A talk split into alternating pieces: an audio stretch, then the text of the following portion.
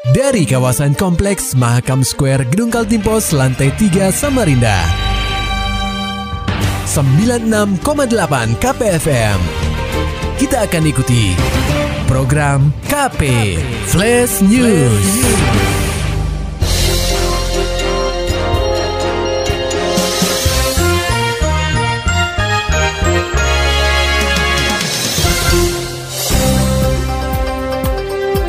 Anda sedang menyimak program KP Flash News bersama saya Agung Pratama. Berita utama. Pendengar KP, setiap tanggal 1 Mei, seluruh kaum buruh dan pekerja di penjuru dunia, tak terkecuali di Indonesia, memperingati Hari Buruh Internasional. Peringatan yang dikenal dengan nama May Day ini kerap dimanfaatkan para pekerja untuk turun ke jalan, guna menyampaikan aspirasi mereka. Namun, akibat kondisi pandemi COVID-19, dan juga bertepatan dengan momentum bulan Ramadan, salah satu organisasi buruh di benua etam, yakni Serikat Buruh Sejarah Independen atau SBSI 92 Kaltim, menyatakan tidak akan menggelar unjuk rasa memperingati May Day. Hal tersebut disampaikan Sekretaris DPD SBSI 92 Kaltim, Sultan, saat dikonfirmasi melalui sambungan telepon. Meski begitu, pihaknya tetap menyuarakan kepada pemerintah agar bisa berbuat banyak terhadap pengawasan pelanggaran-pelanggaran di sektor ketenaga kerjaan yang sering terabaikan. Kami-kami kan punya DPP. Uh -uh. Yang aksi di Jakarta itu semuanya diinstruksikan kami dalam rangka beberapa hal. Uh -uh. Pertama, memperingati Hari May Day. Uh -uh. Kedua, berkaitan dengan korupsi, mega korupsi yang ada di uh, uang-uang kami di BPJS itu dikorupsi oleh orang-orang yang uh. yang hanya uh, hidup makan di di dana buruh yang ada disimpan di BPJS itu uh-huh. itu dikorupsi oleh mereka sedangkan mereka tidak punya keringat sama sekali di situ. Uh-huh. Terkait dugaan kasus mega korupsi di BPJS Ketenagakerjaan, Sultan menerangkan uang yang telah dikorupsi tersebut hampir semuanya milik para pekerja atau buruh, sehingga hal ini sangat merugikan bagi pihaknya. Terus kita berharap dengan May Day ini mm-hmm. uh, sudah diwakili oleh di DPP melakukan aksi-aksi di Jakarta. Mm-hmm. Bagaimana pemerintah betul-betul bersungguh-sungguh mm-hmm. uh, memproses terhadap pelanggaran-pelanggaran uh, pidana terhadap korupsi itu, yang di mana uang-uang kita yang ada di situ. Mm-hmm. Di BPJS itu 100% tidak ada uang negara di situ. Mm-hmm. Benar. 100% ada milik, milik buruh. Sultan juga mengkritisi Undang-Undang Omnibus Law Cipta Kerja yang telah disahkan pemerintah sejak Oktober 2020 lalu. Menurutnya, aturan tersebut sama sekali tidak berpihak kepada kaum buruh. Banyak sekali hak-hak pekerja yang dihilangkan hanya demi melindungi dan memberikan kemudahan kepada pengusaha. Sekali dengan Undang-Undang Omnibus Law ini, ini Undang-Undang Omnibus Law ini sangat merugikan dengan harapan kami dengan gugatan di di masa di MK itu kita berharap bahwa itu undang-undang dibatalkan. Hmm. Karena sangat sangat sangat merugikan buruh. Zaman-zaman Orde Baru saja yang notabene itu mungkin situasi ekonomi kita belum terlalu baik, kok bisa lebih baik daripada zaman sekarang ini. Menyikapi Hari Buruh Internasional yang jatuh pada Sabtu 1 April 2021, Ketua DPP Asosiasi Pengusaha Indonesia atau APindo Kaltim, M. Slamet Broto Siswoyo menghimbau kepada para pekerja dan buruh untuk tidak turun ke jalan melaksanakan unjuk rasa lantaran situasi pandemi belum berakhir. Walau begitu, Slamet juga tidak bisa melarang para pekerja untuk tidak ikut unjuk rasa. Namun, Apindo Kaltim tetap berusaha agar Hari Buruh Internasional tetap diperingati menyesuaikan kondisi saat ini. Mungkin kita tidak bisa melarang, Mbak. Uh, uh, Kita menghimbau, terus ya meng, uh, apa uh, apa mengajak teman-teman serikat pekerja serikat buruh agar tidak melaksanakan itu seperti itu Mbak Eka. Jadi kan tidak bisa melarang sih. Iya kan, paham paham paham. Suratnya kan ke, ke Polres atau Polda ya kan. Ditemui terpisah Kapolresta Samarinda Kombes Pol Arif Budiman melalui Wakapolresta AKBP Eko Budiarto telah memastikan bahwa serikat pekerja dan buruh di kota tepian tidak akan menggelar unjuk rasa. Namun sebagai gantinya, federasi dan serikat buruh akan menggelar dialog dengan stakeholder terkait yang membahas perihal iuran BPJS Kesehatan dan ketenaga kerjaan. Ya, ada nanti sesi dialog. Ya, mungkin untuk kegiatan untuk turun ke jalan itu tidak ada. Insya Allah tidak ada. Tapi langkah antisipasi dari kepolisian ke mana jika tetap kita monitor, tetap kita monitor. Dari intelijen pun monitor, kekuatan pengamanan kita pun memang kita siapkan untuk suatu waktu apabila ada situasi yang kontingensi meningkat ataupun ada mengarah pada kegiatan yang mengarah kepada uh, aksi turun ke jalan ya tetap kita lakukan pengamanan. Lebih lanjut, meski organisasi buruh telah berkomitmen untuk tidak turun ke jalan, Wakapolresta Samarinda, AKBP Eko Budiarto tetap menyiagakan personilnya sebagai antisipasi jika terjadi unjuk rasa dalam memperingati Hari Buruh Internasional. Berita selanjutnya, Pemkot Samarinda akan membentuk Satgas Terpadu sebagai upaya antisipasi dampak ekonomi dan sosial pasca penutupan permanen eks lokalisasi Loahui dan Solong. Laporan selengkapnya akan disampaikan reporter KPFM Samarinda, Muhammad Nur Fajar. Wakil Wali Kota Samarinda, Rusmadi, menyatakan bahwa tempat hiburan malam atau THM Bukit Harapan di Jalan Kurnia Makmur, Kelurahan Harapan Baru, Kecamatan Lojanan Ilir, serta eks lokalisasi Bandang Raya Solong di Kecamatan Sungai Pinang akan ditutup permanen usai Hari Raya Idul Fitri. Hal tersebut disampaikan orang nomor dua di kota tepian tersebut kepada awak media, usai memimpin rapat penutupan eks lokalisasi Lohui dan Bandang Raya Solong di Balai Kota Samarinda, Kamis 29 April 2021. Menurut Rusmadi, sejak tahun 2014 silam, dua kawasan tersebut telah ditutup secara permanen. Akan tetapi, faktanya sampai kini praktik prostitusi masih terus berjalan, di mana kedua lokasi ini menutup kedok aslinya dengan modus tempat karaoke. Yang namanya praktek apa pekerja seks ini kan dilarang dan kita sejak 2014 untuk Loahiu Lohui di Harapan Baru, kemudian Bandang Raya di di apa di Solong itu kan sudah ditutup resmi permanen. Tetapi kemudian dalam faktanya masih ada praktek sampai saat ini dan kemudian wali kota me, apa, memberikan penegasan lagi bahwa sudah tutup. ini nggak ada tawaran lagi. Jadi yang namanya lokalisasi, yang namanya praktek-praktek terlarang ini ya tegas kita tutup. Meski dengan tegas akan menutup secara permanen, Rusmadi meyakinkan bahwa pihaknya tidak akan lepas tangan dalam menangani dampak sosial dan ekonomi yang muncul pasca penutupan dua kawasan eks lokalisasi tersebut. Rusmadi menegaskan, Pemkot Samarinda akan membentuk satuan tugas atau satgas terpadu untuk membina wanita tunasusila atau pemandu karaoke yang mencari nafkah di sana. Ya, itu justru Satgas ini bukan uh, bukan bertugas dalam rangka untuk memastikan tidak ada lagi kegiatan terlarang. Justru dampak-dampak sosial ekonomi ini yang menjadi perhatian daripada Satgas ini. Jadi bagaimana mereka yang tadinya menjadi apa pekerja seks ini kemudian e, bisa memiliki keterampilan untuk kemudian ada usaha baru. Dan ini memang pekerjaan yang sulit. Jadi bukan pekerjaan menutup itu yang sulit menutupnya nggak ada masalah, tetapi dampak sosialnya, dampak ekonomi karena persoalan serius yang dihadapi. Kenapa mereka melakukan praktek itu kan karena praktek karena persoalan ekonomi dan justru kita ingin masuk ke daerah itu ya. Lebih lanjut, dalam waktu dekat, Pemkot Samarinda akan melakukan sosialisasi terlebih dahulu sebelum menutup tempat yang dulunya bernama lokalisasi Lohui dan Solong. Selanjutnya, spanduk besar berisi larangan dan sanksi hukum bagi pelanggar akan dipasang di dua kawasan tersebut agar tidak ada lagi praktik prostitusi yang berjalan di kedua tempat itu. KPFM Samarinda, Muhammad Nur Fajar melaporkan. Aji Kota Samarinda dorong perusahaan pers bayar THR tahun ini Beritanya disampaikan reporter KPFM Samarinda, Maulani Alamin. Mendekati Lebaran, tunjangan hari raya atau THR menjadi hal yang paling dinanti. Namun, mekanisme pembayaran THR kembali menimbulkan polemik di tahun kedua pandemi COVID-19.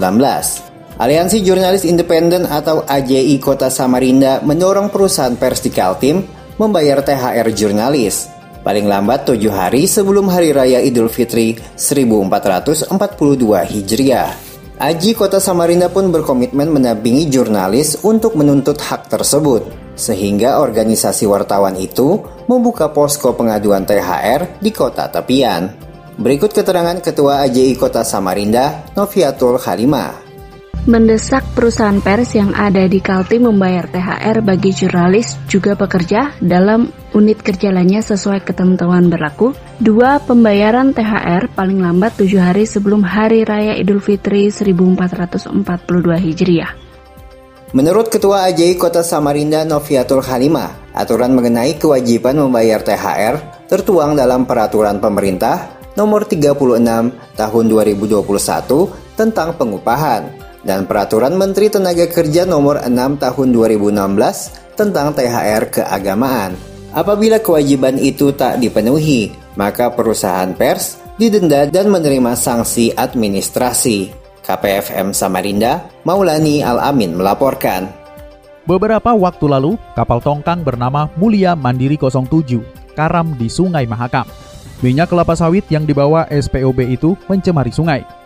Ratusan kilogram ikan yang dibudidayakan di dekat karamnya kapal mati. Semua terangkum dalam cerita unik pekan ini yang akan dibawakan rekan kami, Sofian Sauri.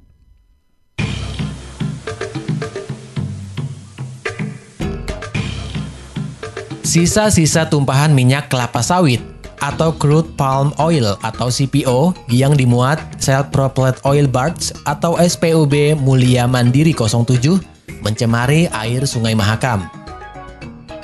Akibatnya, ratusan kilogram ikan milik warga mengapung mati.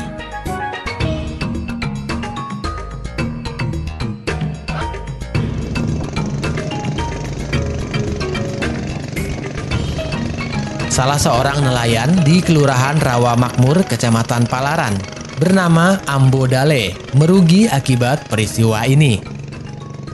Pada hari pertama usai kejadian, Ikan nila dan emas ditambaknya mati sekitar 100 kg. Kemudian sekitar 20 kg kembali mati di hari kedua. Ya itu kemarin kan eh, teler, hmm. kan teler. Hmm. Nah, enggak lama kan ya ada mati dia. Ya tiap hari matinya. Tiap hari? Iya. Sekarang ada berapa banyak ikan yang sudah mati Pak? Yang kemarin itu ya kurang lebih 100 kiloan lah yang kemarin oh, kan. Oh, oh.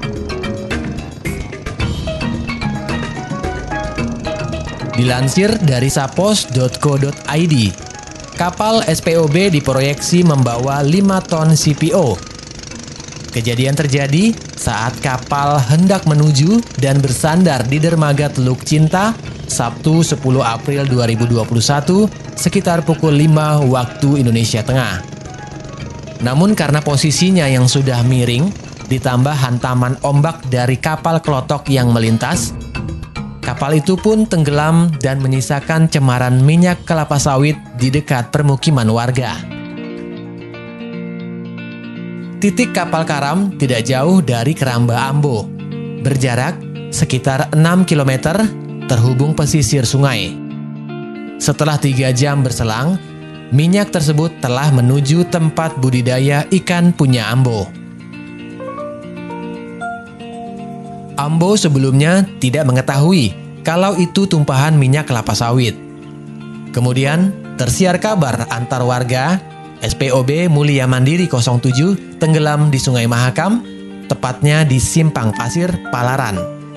Sontak, Ambo bersama keluarganya langsung membersihkan tumpahan minyak dari tambak. Sedikit demi sedikit, minyak dipindahkan ke kotak berbahan styrofoam uh, pas bangun pagi kan mm -mm. eh, tiba-tiba kok air kok warna kuning semua airnya ini kan mm -mm. ya bangun lagi lihat semua oh sekalinya kirain apakah itu kan sekalinya sampai di sana mulai di pelabuhan itu mm. sampai ini ke sana semua kuning semua pak aduh nggak tahu ini apa sudah ini minyak kah apakah kita nggak mm. ngerti ya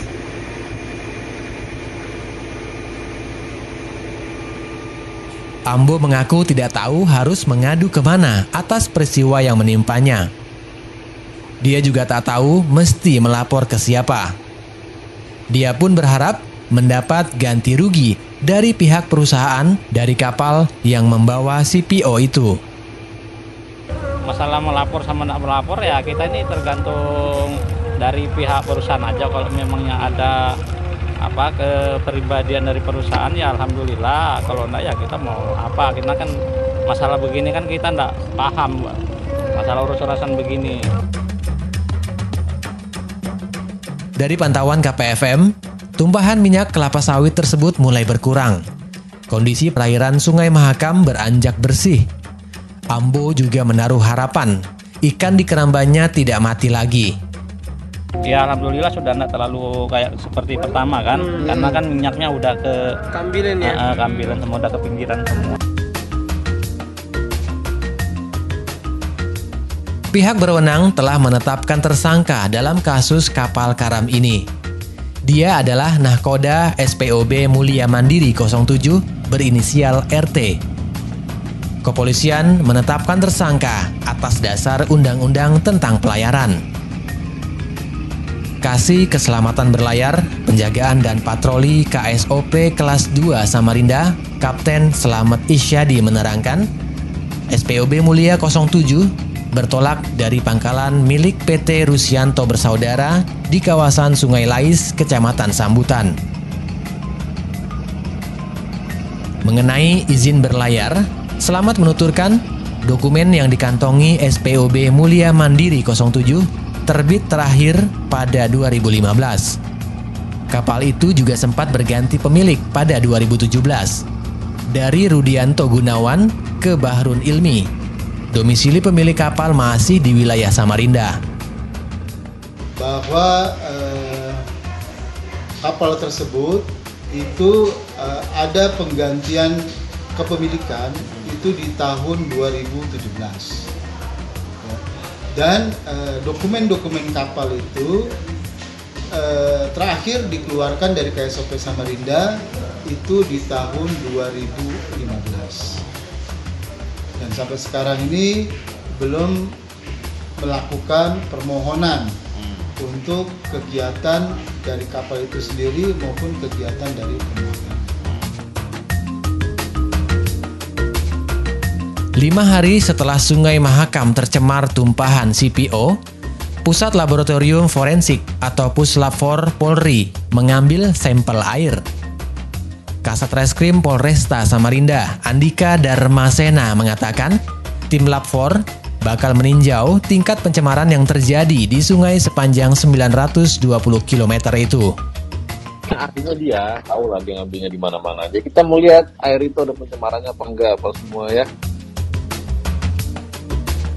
Kasubag Humas Polresta Samarinda, AKP Anissa Prastiwi menyebutkan, Nahkoda kapal berinisial RT itu disangkakan Undang-Undang Pelayaran Nomor 17 garing 2008 pasal 323 ayat 1 dan 3 serta Undang-Undang 32 garis miring 2009 tentang perlindungan dan pengelolaan lingkungan hidup atau PPLH. Penyewa kapal juga turut diperiksa dalam kasus ini. Tenggelamnya kapal SPOB Mulia Mandiri turut menuai persoalan lain, satu jasad anak buah kapal atau ABK bernama Jufri ditemukan tim SAR gabungan pada Minggu 11 April 2021 sekitar pukul 22 waktu Indonesia Tengah. Diketahui, kapal SPOB Mulia Mandiri 07 ditumpangi 8 ABK. Namun salah satu dari mereka dilaporkan menghilang saat peristiwa tenggelamnya kapal pada Sabtu 10 April 2021 sekitar pukul 5 waktu Indonesia Tengah. Maulani Alamin, Muhammad Nur Fajar, KPFM Samarinda. Serta dapatkan berita-berita selengkapnya di www.968kpfm.co.id. Demikian tadi telah kita simak rangkaian berita-berita yang terangkum dalam program KP Flash News. Persembahan dari 96,8 KPFM.